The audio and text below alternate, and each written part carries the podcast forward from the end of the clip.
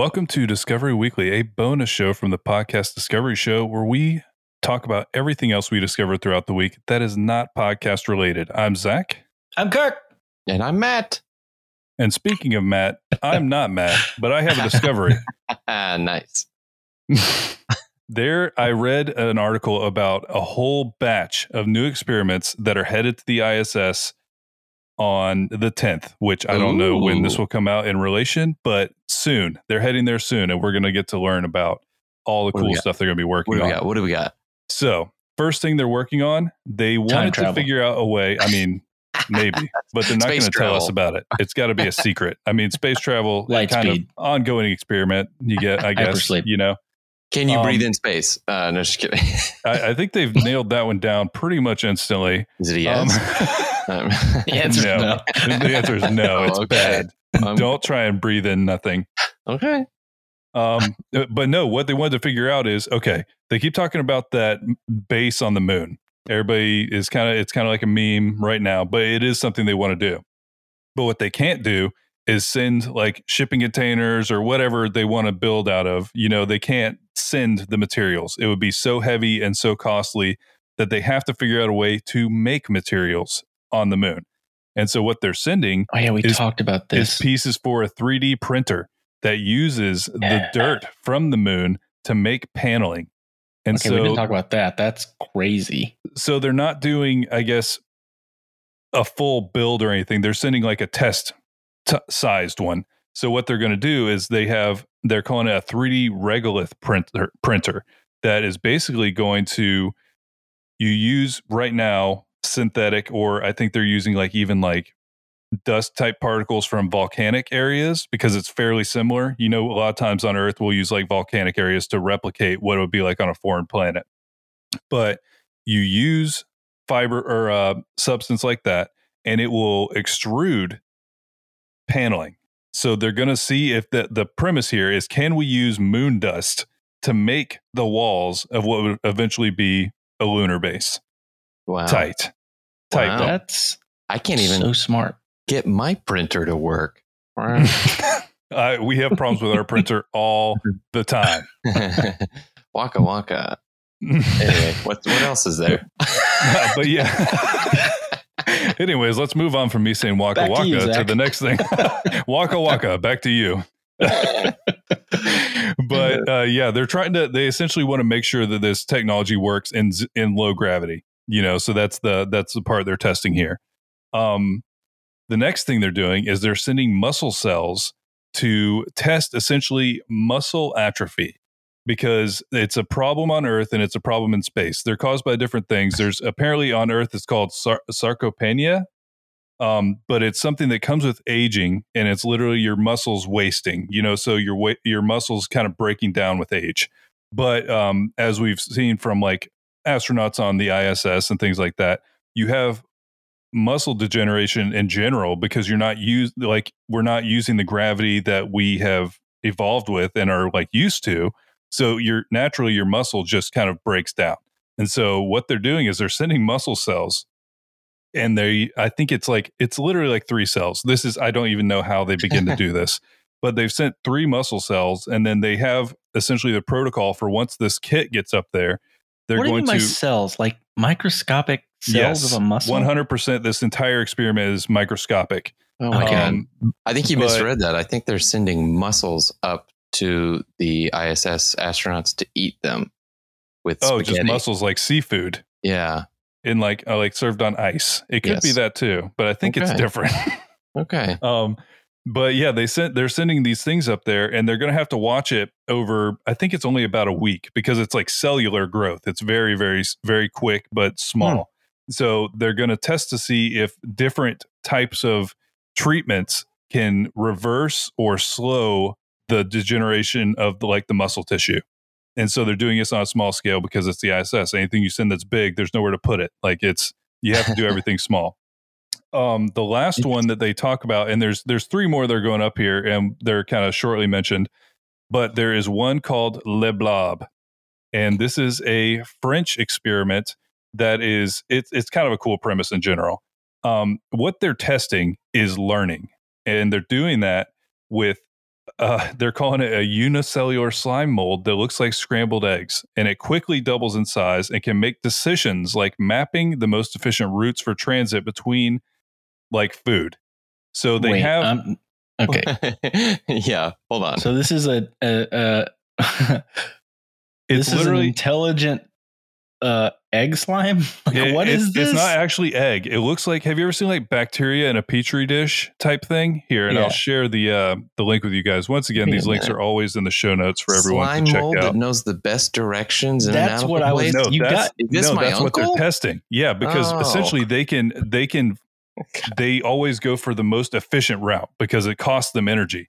Um, So Oh. it's based on efficiency of getting there. And so what they did is that right now it's dormant and it's going up there and it's in like it's tiny. Once again, it's tiny. And once it's in orbit, all they do is put water on it and then they're going to give it cereal in a couple different places and watch it. But the the researcher Audrey Dussutour, I think I, I'm bad with French. I'm sorry, um, but she her whole premise is educational. So she is also sending uh, essentially a copy of Le Blob to a bunch of schools in France, and all of these schools are going to get to watch what happens with theirs, and they're going to be able to compare it with a time lapse that's created on the International Space Station. And so they will get to see they like basically they're going to be able to participate pretty actively in like a collaborative experiment with the ISS which is a pretty a pretty cool thing. Whoa. My brain then immediately thought that this slime mold was gonna like they're like take the wheel slime mold. Get us home. You are the captain now slime Yeah. mold. Let's see if you can do it. take the wheel. man that's a song i haven't heard in a minute. Um, there is three more experiments that are be, going to be going up here uh, this this week as we're recording this. Um, a tech demo of a carbon dioxide removal system for a spacecraft a fluids experiment related to thermal systems for space vehicles and life support and they're also um, trying to test a, an affordable 3d printed heat shield that will ride up to the iss and then be placed back aboard to shoot it back into the planet and test it. So they're going to test th- like several different things and all in one shipment. And I just had to talk about all these experiments that are going to be happening at one Yeah. time. and we had to constantly derail you No, and I mean that's that's So part of the fun. It's part of the fun. Speaking of really interesting technologies, I found out that uh, there's actually a decently interesting technology from where panko breading comes from. Huh. I Uh, never would have, and I, I I will be honest. Like, there's this whole article. I think it's from a company that actually makes panko, so it's a little biased. A little Hey, conflict of interest there. Panko is. Because Yeah, big panko. basically, I will say the- this whole article they talk crap about breadcrumbs so hard. Yeah. so funny. It's it's the big panko. what a funny lobby. But it is interesting because, like, why is it? It's different. Like, it's It like is. breadcrumbs, but it's not. And this is why. Panko breadcrumbs are not actually breadcrumbs, technically. Well, I guess they technically are, but anyway, they're baked using electrical current only. Um, What? It's a very unique method that was developed during World War II out of a necessity to cook bread without access to an oven. Whoa. What? So it's this ingenious process that results in this whole loaf of bread without any crust. What? Yeah. I have I have to Um, look this up. Wait, can you watch this happen? Can you watch Uh, them make not on this panko? video, but I bet you. Oh, they, it's I, I bet you proprietary? they do. No, no, no. Well, I'm No. sure they there They're are like- videos. I don't know Those idiot breadcrumb guys can't look at our technologies. because it sounds like a fascinating process. I'm sure that there's a way to look it up. I need to look it up. Um, authentic panko will start with blending dough using a very short list of ingredients: flour, sugar, shortening, yeast, salt, which is then allowed to rise several times until it achieves the right texture and strength. Each loaf is baked in a specially designed oven, which uses electrical current instead of heat, creating a crustless loaf of bread with millions of tiny little air pockets. The bread is then carefully staled and ground, creating a light and delicate sliver shaped breadcrumb. So that's Man. why it's not like the shape of regular breadcrumbs, because it's like this loaf of bread that doesn't have a crust and it's got all these air pockets in it. And I, um, I like I this just thought it was because fascinating. no, it definitely is because okay. To be fair, the most I'd ever thought about panko is like, hmm, okay, that's good, and that's that's kind of it. I never really thought. I thought it was like I didn't. I had no clue on what the difference is. Like, what I knew it was different. I didn't realize it was that different though, where they electrocute some dough until it turns into panko. Whoa. Uh, I Yeah. kind of have a. s- Uh, I just was searching this. There's a Wikipedia article on crustless bread. It's a very short thing, so I, but I feel like it will supplement what you just said. Yeah, pretty great. do it. Yeah. Uh, crustless bread is bread without crusts. Panko is made What? from this bread. That did And supplement. I did not. I learned no, no, no. so Um, much. and it says it says exactly what you said. The British food, food group RHM manufactures a crustless bread targeted at children children called Hovis Invisible Crust, which is produced by baking the bread at a low temperature. Um, here you go. Measurable nutritional loss can result from omitting crusts from bread. Bread crusts are higher in the antioxidants pronyl-lysine than the inner portion of the bread. Crusts from darker breads in particular contain higher amounts of this antioxidant, which is being researched for its potential colorectal cancer inhibitory properties. What? Okay. Okay. That is a great ad because now I have Yeah. a billion more questions. Why is the crust different than the bread? It's not different. Yeah. Like- right. Uh, This, this is okay, going to be yeah. a deep dive that we do later. We're, we'll come. We'll circle yeah. back to this. My discovery is bread. you want to learn about some bread? wow, But yeah, that is that is- fascinating. I did not know that. I do know that like a lot of kids don't like crust. I always liked it, but I always this that was definitely a weird thing I did. I was just like eat the crust and then I'd eat a crustless sandwich afterwards. But I was like Ah. in I think it was mostly just bored, maybe maybe undiagnosed ADD, who knows. But I did I did that when I was in uh, elementary school. Dang. But it- was a short article, but I thought it was fascinating because I didn't know that uh, it was made using electricity, and I just thought that was crazy. Yeah, I Oh, will be. and it was uh, made in World War II, World War II, like this Yeah. technology that was made during the war. I That's what they definitely need to see panko out of. what an electricity oven looks like to just electrocutes things into cooking. They just put a, a loaf of uh, or a, a, a ball of dough on old Sparky. Just let it go. Old Sparky. You know Roll those on too. You know those things you can get at Spencer's where you put your hands on the lightning bolts go to your Yeah. hand. It's that. just put the dough on top of that, and that's that's how you make panko. That's panko. Um, speaking of panko, which uh, is a thing often used in uh, Japanese uh, food, um, which was where the uh, Olympics were. um, the Olympics just finished, and uh, in honor of that, I thought um, I would talk about 1904's St. Louis Olympic Marathon, which is supposedly the strangest race in Olympic history. Uh, I'm going to give you a little bit of background on who the athletes were. Um, well, some of them, I suppose. Um, so, first thing that I noticed when I was investigating this is the runners are not like athletes. I mean, what year did you say this was? This was 1904. so, So yeah, they're really just pulling definition. from anybody. They're like, "You want to do the Olympics?" it's like, okay. I saw I Um, saw that guy named Ted run one time. He can do it. So, okay. So, of the runners who stood on the marathon starting line, a handful had run previously in the Boston Marathon. So, a handful of them. Uh, but mainly the field was comprised of a hodgepodge collection of middle distance specialists or distance running novices who had never attempted anything like a marathon in their lives. First For time running, long time. I'm here for the Olympics. The Olympics. One of the runners, Cuba's Felix Carvajal, hmm, I think, um, arrived ready to race, fully dressed in long trousers, a white shirt, and walking shoes. Taking pity on him, a fellow competitor cut off his trouser at the knees in order to make it easier for him to race. Two of the competitors, Lynn Taunyane and Jen Mashiani, were members of the South African Tswana tribe who were in St. Louis because of the World Fair. The historic importance of their participation was probably unknown at the time, as they were the Oh. first Black Africans to compete in the modern Olympic Games. What? But nobody knew about that. Just because they were like on vacation? No, Yeah. at the Visiting World's the World's Fair. Fair? That's like the famous one. 1904, I think, was the big one. Like that Yeah. was the the momentous, Okay, huge do we World's not Fair. have the World's Fair anymore? I when think we was the probably last do, one? but it's just like the new Beanie Baby that's coming out. It's Yeah, not it's like, like it doesn't have the same. it sounded like looking at the things that they used to do. They look so cool. I'm gonna Anyway, look that sorry, up right I- now. I Go ahead, Matt. Also, No, I didn't no, know was the Boston say Marathon was that old because you said they some of these people had already run in the Boston Marathon.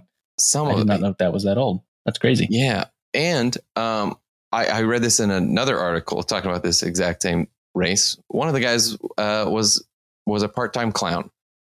Um, So he's a juggalo. yeah, exactly. Who we respect uh, immensely on this show. Just throwing that out there. Um, so, okay. So the race begins. It's like the hottest, most humid day that like has ever been in the Olympics, which is crazy.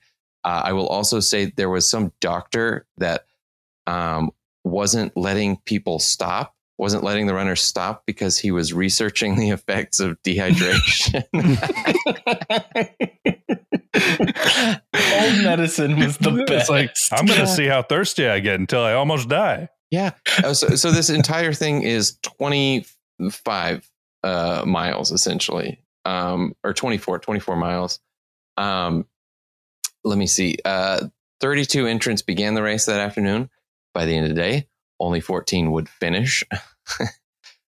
the uh, Dude, I'm winning reading athlete. this. I'm, I'm unfortunately getting ahead of you because this is Oh, a crazy article. This is insane. It's insane. It's insane. Um, the winning athlete uh, is quoted as saying, "The terrific hills simply tear a man to pieces." uh, let's see. We'll, we'll that's, keep going down. that's an amazing soundbite. uh, Cuba's Felix Carvajal uh, was trotting along at a reasonable pace when favorite. hunger caused him to stop at an orchard to snack on some apples. but but unfortunately for him, the apples were rotten, and the stomach cramps that ensued caused the outlet athlete to lie prostrate by the side of the road where he proceeded to take a nap. And, and, and the next line is great. He still finished fourth. oh my god. Okay. It's so good. That that whole Oh. paragraph was my favorite thing I read in a very long time. I, So I really need I really need this. Like I need this in my life. Not an Olympics of people that are trained specifically year round for an event. Just like kind of throw some people together and like honestly, this sounds like the most amazing shit show you could possibly watch. And like seems I want to see this. Yeah. Don't don't get the fittest people, get the lowest rung. Like that would be so great to just see like the the non-athlete Olympics. Um, and I'm sure like sketches have been written where that is the premise. But my God, 1904, that's what it was. It was a joke. Like this guy this guy ate an apple, got sick, and then took a nap. and still got Still fourth. what was everybody else doing? I mean, to be fair, if like say us, if we were to go just try and run a marathon, we would be lying prostrate on the side of the road after eating bad apples too. God. Okay, so the director of the 1904 Olympics, James Sullivan, stated that a run of that distance was "quote unquote" indefensible on any ground, comma, but historic. I like how he's even like, nobody should have to run that far. That's stupid. yeah. so oh, there's it's- another guy that I guess breathed in so much dust from the roads that he had a near fatal stomach hemorrhage.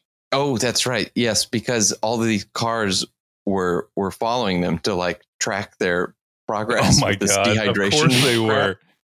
and and it, the, the fumes and dust and everything just took And my him out. favorite one, other than Cuba's Felix, is uh, the South African guy. Oh yeah. Pretty great. Where was oh uh Taunyane on the other hand had proved to be a very able runner and was well positioned until a pack of wild dogs chased him a mile off course. like nobody even did anything to prepare for this. There's just dogs running around. Not just dogs, wild dogs.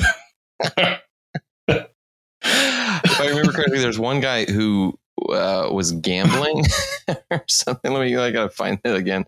Um, but it's it's just insane. It's absolutely insane. I highly recommend. I wish there was like video during the 1904 Olympics because I would. This would be an amazing thing to watch. Yes. Um, but uh, none of these runners would ever do this again to be in the Olympics. Uh, no. They're like, that was a terrible experience. I'm not doing it again. yeah, they might is have the guy that won. His name was Thomas Hicks. Uh, it was the slowest in history of, of three hours and 28 minutes. Um, and it says that when he got near the end, it says his eyes were dull, lustreless, and ashen color of his face, and the skin had deepened. His arms appeared as weights well tied down, and he could scarcely lift his legs while his knees were still were almost stiff. And it was funny because it said he was hallu- he was at the finish line, but he was hallucinating that he still had another twenty miles to run. So he Oh. was carried over the line by his trainers, his legs moving backwards and forwards through the air as, as he was still running. so he didn't even run the last bit because Can was you do that? Hallucinating like, and he had to get carried. we got to the get this guy. He's running in circles. Somebody get him. I also have to say too, uh, Carvajal gained sponsorship from the Greek government to run a marathon in Athens in 1906, but he never arrived at the race, and newspapers in his home country proclaimed him dead. A year later, he arrived safe and well in Havana. His whereabouts during the previous year, a complete mystery. what? Dude, this guy's awesome. I we need to do a deep dive Yeah. on that guy. went to ano- he got sponsored to go eat more apples. I mean, this Yeah. is this is 1904. He could have just gotten on the wrong boat, and he's like, "Well, he was Oh, is this the he blue probably boat? was like, I Oh. just get all this money, right? And, and I'm just not gonna go. I'm just gonna keep the money and go on a vaca- a year long vacation. It's amazing. Uh, This is this is All of that. literally like a Monty Python Oh. sketch. all of that this is is a amazing." great, a great discovery. That's amazing. My God. Okay, so this is a. I'm gonna have to figure out how to navigate this one. So I read an article about using ice. So there's these things called ice pits, and they were in Persia, and this was even by 400 BC was a way that they were making ice in a desert, and it looks like it, it honestly kind of looks like a soft serve ice cream top. It's like a, a like a little pillar thing. It's got a hole at the top, and they used evaporative cooling to make ice in the desert because a lot of times in the desert it gets below freezing at night, anyways. Mhm. And so what they would do is they would put ice in the bottom. They made this out of a hydrophobic like pitch essentially. So it's like it, I'm trying okay, here's the here's the mixture. It's a type of It's like mortar called or something. sarooj and it's Hmm. composed of sand, clay, egg whites, lime, goat hair, and ash in specific proportions so they literally water will not absorb into it. And it's built tiered up to a point so that cool air can come in and warm air can go out. And through all of that, the water is evaporating and creating a giant conical evaporative cooler. And so it is significantly cooler in this building than outside of it. And then when it freezes at night, it can literally create ice in a desert. And so people What? were not only using ice, they have a one of their traditional like dishes in Persia was a frozen dessert. In uh, like literally they there's records of these going back to 400 BC. what? and then that got me into this whole uh, ancient Egyptians used ice uh, for same thing. Like they would cool down beverages and things. A lot of times this this was imported. So the vast majority of kind of the understanding of this came from like, okay, you're in the the Arctic Circle, you kill a moose, and you find out naturally that freezing it's going to keep your moose better longer because you can't keep it warm. So you just find out that it freezes and it stays. And so that was kind of the the origins of it. But then everybody started figuring out how to do it. And a lot of this was importing from they would find mountain mountainous regions and they would import ice. And it was something that only really like luxury royalty type figures could do for a really long time. Aside from a couple places where there was innovation like this, like the like the ice pits in Persia. But then I get to when this kind of started affecting America specifically. And there was a guy in the late 1800s who became kind of the guy who made this a thing. And he was essentially using his name was Frederick Tudor, and he earned the nickname Ice King, which is kind of a dope nickname. But he basically was like, I'm gonna. He, he started seeing how in England and in other places they had ice pits. Well, something similar. They would build uh, cellars essentially that they would insulate, and it would keep everything cooler. And so he's like, I'm going to take this to the next level. We're going to start getting ice. But he would literally use lakes. He would wait until the lakes froze in the winter. He would make sure they were thick enough so that he could ship them. And they would go out there and they would like scrape all the ice off the or all the snow off the ice. They would cut it and they would break it like by hand and they would ship it wherever. And that literally led to not only like, okay, things can be cooler now, but like a complete change in how we were able to store food. Because before this, it was basically make enough food to eat that time, or like that's why stews were so popular, is you could just kind of keep them hot. But before that, you there was no leftovers. That was not a thing. That's a thing that has only been allowed because of the ability to refrigerate food. And so he kind of was one of the next stepping points in America of okay, now people have ice. So then they invented ice boxes, the early version of the refrigerator, where you literally just put a huge chunk of ice in a box that was like a cooler, and it would be better than room temperature, and you could keep some stuff a little longer. but then eventually the refrigerator itself would come and completely change it. But that was around the world wars, like right in between them, 30s ish. And then essentially World War II happened. And so everything kind of got shifted again. But that the in the 30s, refrigerators started to happen.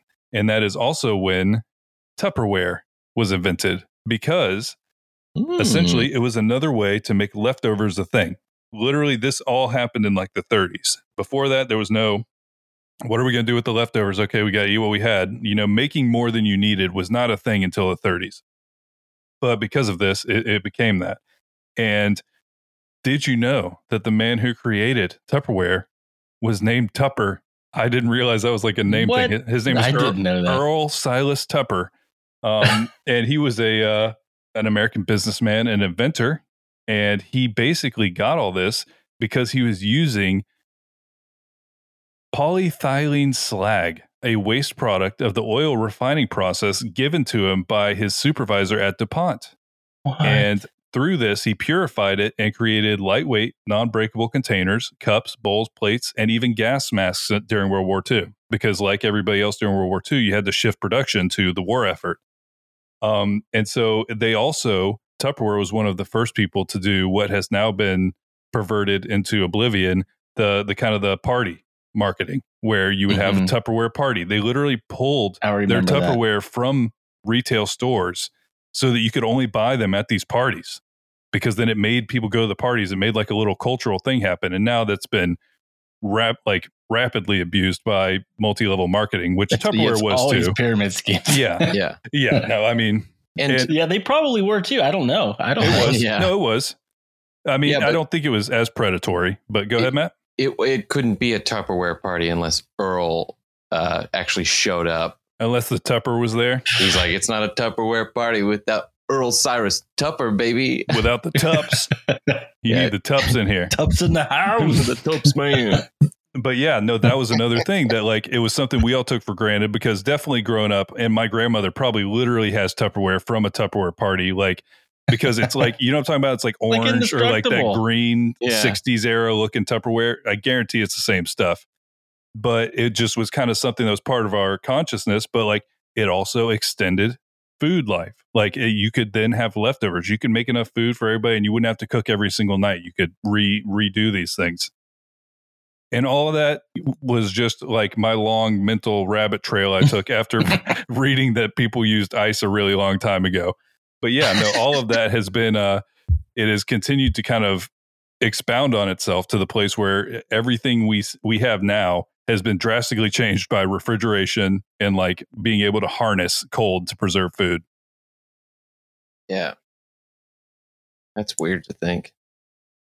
I have a discovery, guys, and it's a short one, but it's just I feel like both of mine were really short, but I can't wait. I, I, came across them and I'm like, I have to, I have to talk about it because it's just so I, fascinating. Yeah, I need you to talk about it. We're we both just excited. see, we both just see like the listing of what it is on our notes here, yeah, and we're we are intrigued already. Right. Yeah. I found an article about fossilized farts. Um, and it's from fossilhub.org, which is a thing. um, Fossil uh, Hub. it says there are people out there who don't think paleontology is astonishing, and they are quite wrong. To prove this, here's a 20 million old cockroach fart fossilized in amber, and then there's a picture. um, it it's so this whole article is it's more of like a how this person discovered that it was fossilized farts that they had found but uh, the fact that it exists to me was, was fascinating. And they do have a great tongue in cheek way in writing it. It says, The late lamented Doctor Who once told me, Serendipity is looking for a needle in a haystack and finding the farmer's daughter. I think my version is now looking for an expert on fungal nodules and finding the world's oldest fossilized fart. Because that's what this whole story is about. This person was had found some amber and it had bugs in it. And there was all of these little white specks or blobs or bubbles in the in in the amber. Wow. And they were thinking it may have been like the oldest fungus ever found. you know, Hmm. and so they started shopping around to other scientists and experts. And uh nope, it was just uh farts. because the specific one that they they found was termites. And the expert says termites eat dead plants. To be able to digest dead plants you need masses of gut microbia. As the dead plants are digested by the gut microbia gases are produced so what you're seeing are lots of termites with clear fossilized farts Whoa. Hmm. a little sub discovery. Uh, termites fart a lot. I did not know Yeah. that. termites Science. fart a lot because Science. that's what's able to make them process wood is a you know a very they've eaten a lot of that yogurt that Sallie Mae loves a lot. yeah. Wait, yeah. is that her name? no, you're thinking uh, Yeah. Um, what did I? Isn't Jamie Sally Lee Mae like the, the the place that like yeah, the loans loan kids- company. Yeah. that is college definitely like yeah, that is definitely like student loan lender. I was like, wait, Sally they- Mae and was waiting, Arnold they- Who did Schwarzenegger. I- In Is that- True like, is this who a was I, person? who was I thinking of? Shoot. Uh, the lady that talks about yogurt and pooping Activia. normal. Yeah. Activia. What? Dang it. What's her Oh, name? Jamie Lee Jamie Lee Curtis? Curtis. No. What? Is it Jamie Lee Curtis? Yeah, it's Jamie Lee Curtis. I was thinking of someone else. See, I got everything wrong. I told you my brain's not working correctly. I love Well, the idea oh. too. That's Uh, a bonus discovery. Sallie Mae loves yogurt. um, I love the idea that Jurassic Park that he drills into Amber and it's just like, oh god, you, you know. we replicated every aspect of Jurassic life, and it's kind of smelly. It's very smelly. It was mostly farts. We found out later. Mostly farts. it is funny. This person that wrote it is tongue in cheek and fun and everything like that. But the response from like the science community is this. Uh, the amber termites are invariably preserved with bubbles that emanate from the, th- the thoracic or abdominal spiracles, and that the bubbles contain ethylene, methane, and carbon dioxide. It's like the most boring way to say. Come on, dorks. it's "Hey, the fart. It's a bunch of farts. That's great. oh, that is man. funny. So yeah, guys, uh, fossilized farts uh, exist, and now you know. Well, that is everything for this week. Thank you so much for listening, and we will talk to you again next week. Goodbye. Bye.